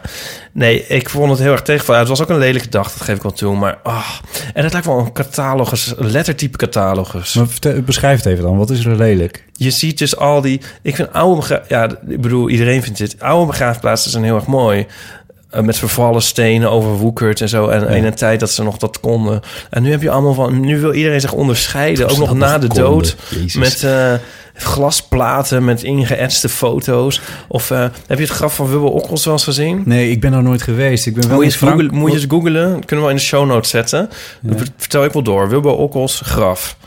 Nou, dat, is een, dat geeft een staaltje van wat je op Zorglied ziet. Ik ben in Père Lachaise, op Père Lachaise geweest. Oh, dus dat, is die begraaf, Ja. begraafplaats in Parijs... waar eh, Jim Morrison en zo, et cetera. Edith Piaf. En daar zijn ook een paar nieuwe graven van rijke Chinezen. Oh ja. Ja, Dus ik denk een beetje dat dat, dat is wat je bedoelt Ja. met de lelijkheid. ja.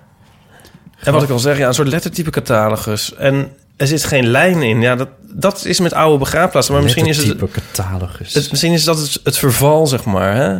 Dat dan uiteindelijk alles een beetje op elkaar gaat lijken. Oh jezus, is dit het? Ja. Oh god. oh. oh, dat is Maar- heel lastig te beschrijven ook nog. Ja, dat zeg ik.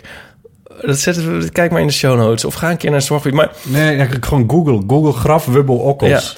maar Oh, Ik jeetje. denk ook- Oh, maar, maar- die, maar, ik- maar maar ook ik ben heel teksten- fan van Wubbel Ja, maar mensen hebben allemaal foto's op hun grafstenen ook nu. Maar Ja. ook die teksten, botten. Ik, ik heb altijd ook met een geboortekaartje. Ja. Echt? Ja. Voor Met ja, zodat zijn lijk warm blijft. Dat ik wel. ik, bij, bij, geboorte, hoop ik. bij, bij geboortekaartjes staat dan altijd... eh, of altijd... eh, dolgelukkig zijn wij met de geboorte van... Ja. Nou, als je dat zegt, dan geloof ik het al niet meer. Dat is toch niet nodig om dat op te schrijven? Dolgelukkig zijn Rode wij. rozen rood. Ja, en dan staat er op die, op die stenen staat dan zo van... eh, we zullen er nooit vergeten, letterlijk. Nou, dat zie je niet in, op een begraafplaats met, met allemaal stenen uit de 19e eeuw. We zullen er nooit vergeten. Dat vind ik echt gênant. Of, eh, Rust Eh, zacht. ja... En, eh, Maar dat is toch ook niet... wel Rust zacht staat er wel in op 19e eeuwse stenen. eh, Nou ja. ja. dat staat er ook trouwens helemaal niet. Dat vind ik trouwens ook nog niet... Nou, eh, ja, vind ik wel erg. Ik weet het niet. Ik, de hele, het hele idee van begraven begon me daar tegen te staan. Oh. Ja, ik dacht echt van... maak eens wat ruimte. Dus je zou hier een heel mooi appartementencomplex kunnen neerzetten. Nee, ik dat weet precies... Ik weet precies... God. Nee, maar... Ik weet precies wat jij dacht. Jij dacht... Ego's. Ik wil, ik wil op een natuurbegraafplaats begraven worden. Nou, eigenlijk wel. Ja. maar die dat ego's... schijnt Of het nou de ego's heel zijn van slecht de... te zijn voor een milieu. Of het nou de ego's zijn van die mensen zelf of van hun nabestaanden. Maar iedereen wil daar nog, nog een beetje opvallen. En dat vind ik zo Dubbel irritant. wist al een aantal jaren dat hij bezig was dood te gaan. Dus Ja. die heeft er heel lang kunnen nadenken over zelf die, wel over eh, nagedacht, ja. Ja. Maar goed, dit is op elke begrafenis. Maar ik vond het daar nog in het bijzonder lelijk. Maar wat ik jammer vond, ik zocht het graf van Frans Kellendonk. Maar Oh, ja. ik heb ook niet heel goed gezocht. Want het begon me allemaal een beetje tegen te staan. Maar ik kon het dus niet vinden. En eh, ik weet ook niet hoe ik het dan kan vinden. Dus als een van onze vele tienduizenden literair angehauchte luisteraars... nou Weet waar Frans Kellendonk is begaan. precies ligt. Dus op zorg liep me waar. Dan van zeg maar bij, bij de ingang links en dan Maar er derde zerk eh, rechts. Is, is er niet een soort registertje of zo? Nou, wel dat, dat wie er liggen, maar niet waar dan precies. Oh, Dus An- Annie M. G. Schmid bijvoorbeeld zag ik ja. eh, liggen. Ik bedoel, nee, dat die er... Nou, et cetera, snap je? Ja. Ja.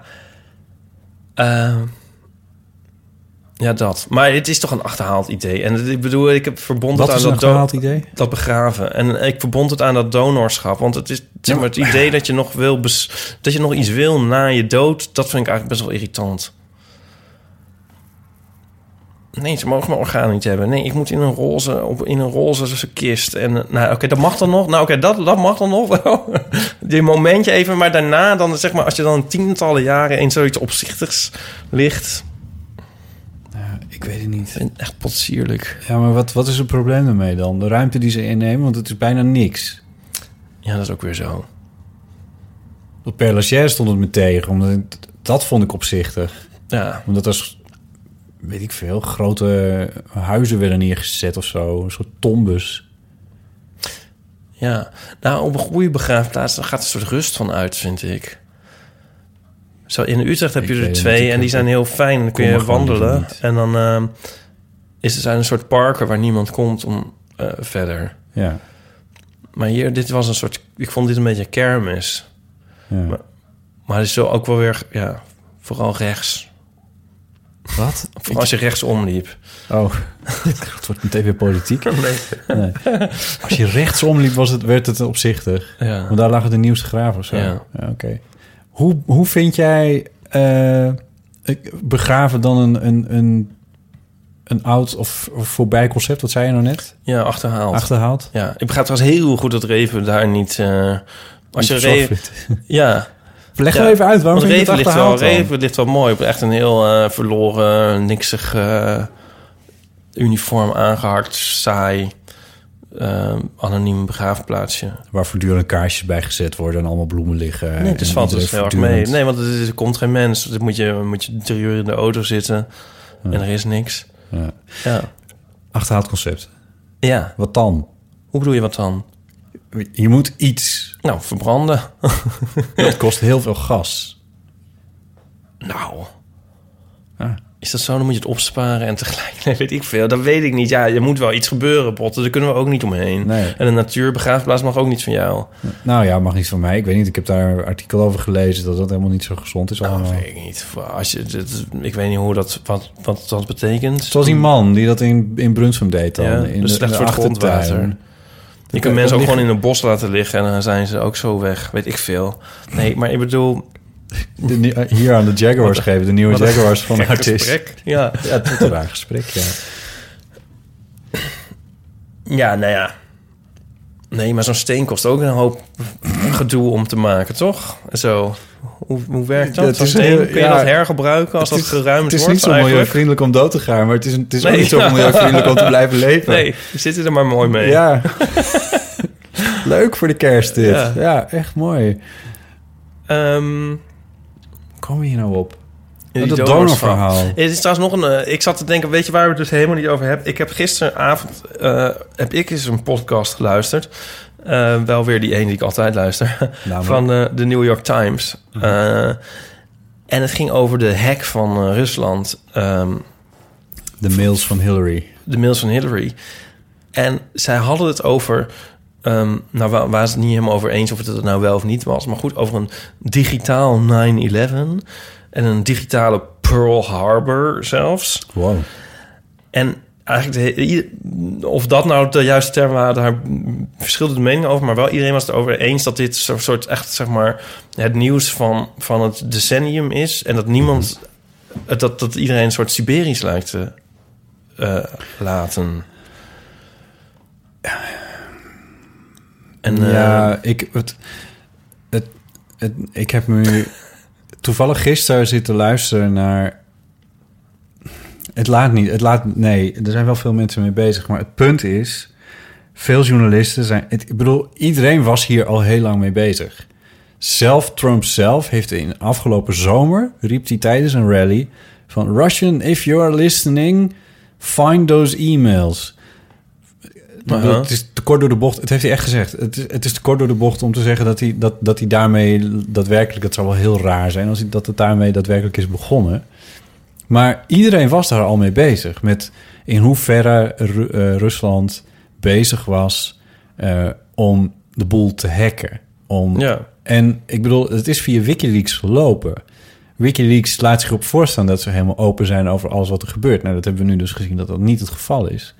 Ehm, de campagne van Hillary was ermee bezig. Die hebben gezegd van hier gebeuren echt hele rare dingen. Mhm. Dus het is niet zo dat dat... Het enige Nee, wat je nu mensen... ziet... Ik bedoel, het is wel in het nieuws en zo... maar mensen zijn niet... Er gaat niemand de straat op, zou ik maar zeggen. En iemand, ja, maar waar moet je tegen de... Tegen, wat, wat, moet je doen dan? Wat moet je doen? Dat is... Ik, ik, ik weet dat ook niet. Ja, maar als je nu de bovendien, kranten... als je dit zegt, hè? ja. Als, je, als ik dit als in, in, in eh, bijvoorbeeld op Twitter gooi of zo, dan krijg je, eh, dan krijg je de, de, de fanatieke Twitteraars over je heen. Die zeggen van ja, ja, ja, de CIA was altijd eh, de vijand van, eh, van de journalistiek. En nu, nu de CIA eh, uitgevonden heeft dat Rusland waarschijnlijk een hack heeft uitgevoerd. Nu geloven jullie dat verhaal in één keer. Dus het, alles wat je zegt wordt ook meteen tegen je gebruikt. Op het moment dat je dit... Nee, het is serieus waar. Ik heb die teksten gezien. Ja, oké, maar goed. Maar, maar eh, jij gelooft het toch wel? Dat dit is gebeurd. Ja. Ehm, ja. Het interessante is dat het een... Het is zo'n wereldwijd geopolitiek eh, toestand... waar je echt... Diplomatie is het meest geslotene wat, wat, wat er is. Toen Dus- twee jaar geleden, twee jaar geleden, de krant van twee jaar geleden, dit heb ik uit die podcast natuurlijk. Ik was vergeten, ik heb die parallel ook verder nergens meer gehoord. Toen eh, heeft eh, Noord-Korea die eh, Sony Studios Ja, gehackt. klopt, ja. En toen Voor die films. was er meer ophef. En toen heeft Obama economische sancties getroffen tegen Noord-Korea. Ze hebben Alle handelsbetrekkingen tussen Noord-Korea en Amerika werden opgeschort. Is dat Nee, wat je zegt? Ze hebben, econo nou, ze hebben economische sancties, weet ik veel. Of zijn die al... Ze hebben in ieder geval sancties getroffen. En ze, eh, ik geloof dat ze ook nog eh, drie dagen... Wat hadden ze nou? Ja, ik herinner me dit wel ongeveer, ja. Dat was een hele toestand. Dat ging over scripts van, Ja, eh, ja, ja. van films. En toen kwam uit over. van dat de studiobasis zeiden van... nou, die Angelina Jolie is best wel een kreng. En zo. En het stond de hele wereld Ja. over, over Ja. zijn achterste benen. En nu is gewoon de Amerikaanse verkiezing gehackt. Ja. En nu is het zo van... Ja, maar ja, dat wisten ze dat er al een beetje een tij- tijdje aan te komen natuurlijk. Ja. En ondertussen is vandaag ook bekend geworden dat de Tweede Kamer een wet heeft aangenomen waarmee de Nederlandse politie eh, de, onze, ons mag hacken als ze vinden dat dat een eh, Oh ja, goede reden toe is. ja. Zo Nou, gaan naar de is- kloten. Ik zie hier wel al wel wat redenen. Kutjaar dat eigenlijk is geweest, dat hele 2016. Zelfs op de nipper, hier op 20 december, wordt het gewoon allemaal nog kut. Ja, Ja. ik had er wel een... eh, ik weet een hoogtepunt. Oh, ja. Ja, oh, ja, dan zou ik wel terugkomen. ik ben er onbewust weer op om, teruggekomen. eh, ja, nee, dit is om het... eh, dat is echt een hoogtepunt. Nou, Maar het is, het is, dit jaar is het eh, aangekondigd, en, maar het heeft pas volgend jaar zijn beslag. Want, Botten... er komt een nieuw album van de Pet Shop Boys. Nee, wij zijn gevraagd om deel te nemen aan een tv-programma. De Tafel van Taal. Ja. Met Margriet van der Linden. Ja, dat is waar. Is dat niet leuk? Ja, ik vind Margriet van der Linden echt super. Ik vind Margriet van der Linden ook. Ik vind het ook een Ja. onwijs ik leuk maak me programma. de grootst mogelijke zorgen ja. daarover. En dan kunnen de luisteraars kunnen ook zien hoe wij eruit zien. Want die kunnen ze ons op tv zien. Ja, we staan al in jouw strip. Oh ja. Nou ja, maar goed. Ja, Maar is dat niet tof? Bewegend, ja, Want eh, ja. ja. een van de producenten van dit programma... die eh, luistert eh, naar de podcast en eh, die dacht... eh, Dat moeten we hem ook even noemen. JP Pellemans. Ja. En, eh, oftewel JP, JP van Lingo. Wie kent hem niet? Oh, de is stem dat van die Lingo, JP? ja. Oh, oké. Ja, Oh. JP. Nou, wat grappig. Onwijs leuke, lieve man. En die eh, heeft dus gevraagd of hij mee wilde doen. Ja, Nou, maar op basis van wat? nou van... van, Onze van taalvaardigheid? Dat wij weten wat het verschil is tussen mits en maar. Is mits en wat- tezij. Dat er gewoon hartstikke coole celebrities zijn die alles Ja. van taal weten. En dat gaan we laten zien. Ik heb één Komend seizoen in de tafel van taal. Ja, ergens, wat is het, maart of zo? Dat zou wel Volgens mij in worden. maart wordt het opgenomen en in april eh, uitgezonden. Ehm, ik heb één aflevering gekeken. Nou ja, je moet zeggen dat je altijd al keek. Ik keek altijd al. en ik kon toen de helft van de, van de vragen, die wist ik ongeveer. Ja. Nou ja, altijd al keken. Ze hebben één seizoen, twee seizoenen Ja, gedaan? eh, volgens mij één. Ja. En Nico keek wel altijd echt. het is... Het, maar het zijn best wel pittige vragen. Het zijn heel pittige vragen. Maar wij zijn ook heel pittige deelnemers. Ja, maar hoe gaan we dat doen, joh? Moeten we niet oefenen of zo? Ja, Hoe dan? weet ik niet. Ik neem aan dat JP ons vooraf de antwoorden ook eh, toeschuift. Moeten we dan... Nee, ik weet niet. Wijn of zo? Of, hmm. Dan gaan we heel aardige dingen over hem zeggen. Dat het is met zulke programma's altijd van... je moet geluk hebben ook een beetje. Want ehm, je moet net iets weten. En de opponent moet het net niet weten. Ja. Want ehm, toch, dat is altijd met de slimste mens of zo. En dan, en dan komt er een vraag over voetbal, weet ik Nee. veel. Ja, dan weet ik het ook Nee, niet. we, nee als, we, als we met sport beginnen, dan... Ja, dan is het klaar. Ja. verder, verder gaat het wel. oh, Ja. ik heb nog een ruzie gekregen met eh, Martijn. Die, Ja? Martijn Nij, eh, Nij- Ja? Nijhuis, die ken Ja? van- ja, die ken je wel, toch? Zeker. Ik, ja. Ja? Ik, ik kreeg dus afgelopen weekend drie NOS-alerts Ja. Over sportdingen. Oh, en het ja. interesseert me echt oh, nee, nee, zo nee, ik heb ontzettend dat ook niet. allemaal uitstaan. Ja, maar het probleem is, je kan dus bij de NOS-app niet kiezen voor... Je kan letterlijk, je kan sport niet uitzetten. Je kan alle onderwerpen aan of uitzetten die je ziet, maar sport kan niet uitgezet worden. Dat vind ik op het begin al heel erg stom. En alerts zijn er dus voor wereldnieuws, voor Nederlands nieuws en voor sport gewoon het hele, het hele rattenplan. Maar ja, 2016 maar wat was doet sport en je kan er ook al niet een alert voor sport en daar zei ik iets van en toen stapte ik dus bij hem op verkeerde thema. Want Echt? ja, want dat Als schijnt hij van echt sport houdt. Ehm, ik denk op zijn NOS. Dat hij van sport, hij werkt voor de NOS natuurlijk, hij is een nieuwslezer daar. Maar het, maakt ook niet uit. Hij heeft natuurlijk ook wel een punt van, ja, dat zit er nou eenmaal in. En als je het niet wil, dan moet je hem ook gewoon uitzetten. Maar hij was echt zo geïrriteerd. Want ik was kennelijk de dertigduizendste die, dat- die dat tegen Hm. hem zei. Hij werd echt heel boos op mij. Sorry Martijn, dat was niet de bedoeling. Nee. Ik ben normaal heel aardig, maar ik, vind wou het, ik vind het ook een beetje stom. Martijn. Ik, ik had- vind het ook stom. ik Zet het uit. Ik had getwitterd van, kan iemand de stagiair bij NOS Oh, Sport van de, van de notificatieknop halen? Dan moet je natuurlijk ook niet... Misschien was dat het. Ja. Dat toontje. Ja, het toontje, ja. Sorry. Goed. Wat vond je nou leuk aan 2016? Oh ja, die, oh, dit, dat, dat. Onze uitnodiging voor de tafel van taal. Ja, maar dat is dus 2017. Dat is 2017. 2016 was een vreselijk jaar. Let's Dat is- face ja, het is goed dat het over tien Ja. dagen voorbij is. En weet je wat grappig is? aan Onze rubriek drie maanden, de krant van drie maanden geleden.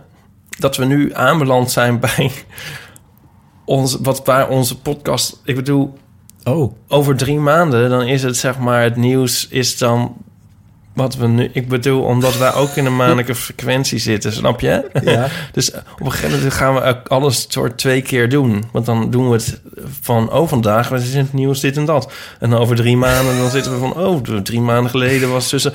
En Weet zo- je wel, van die Prinsesdag, daar ging het toch over Ja. in onze eerste podcast. Misschien wel, ja. Weet je wat met jouw onbegrijpelijke opmerking over Mark Rutte? Ja, klopt. Ja. Ja. En nou is hij weer die... Ja, Ja. en zo eindigen we in een grote tollende bol van vuur. Een bol van vuur! Self-references allemaal. Dat was ook weer een fotostripje. Dat zetten we ook in de show notes. Wat moet er meer in de show notes? De column naar Maxime. Kijken of die ergens online staat, weet ik zo eigenlijk niet. Maar dat ga ik even proberen.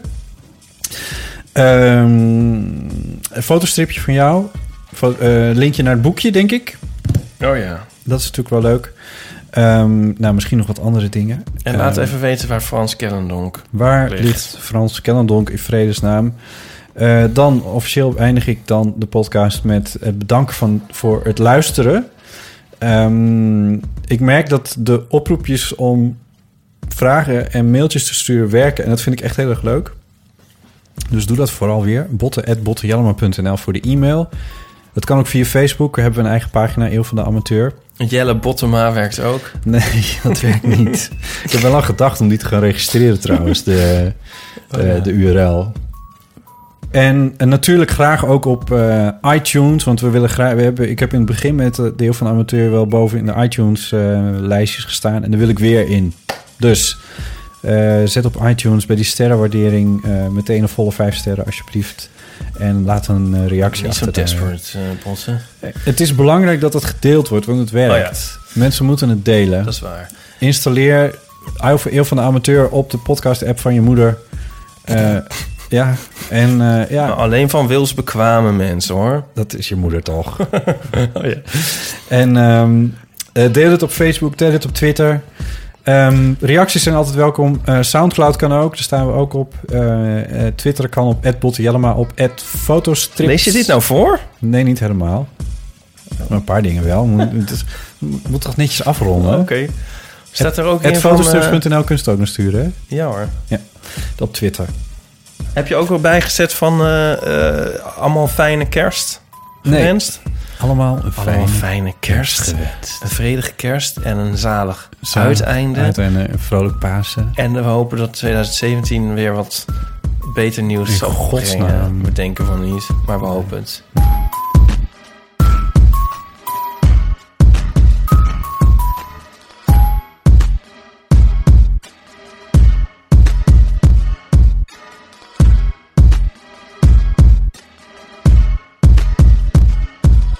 Wat doen we met het geld?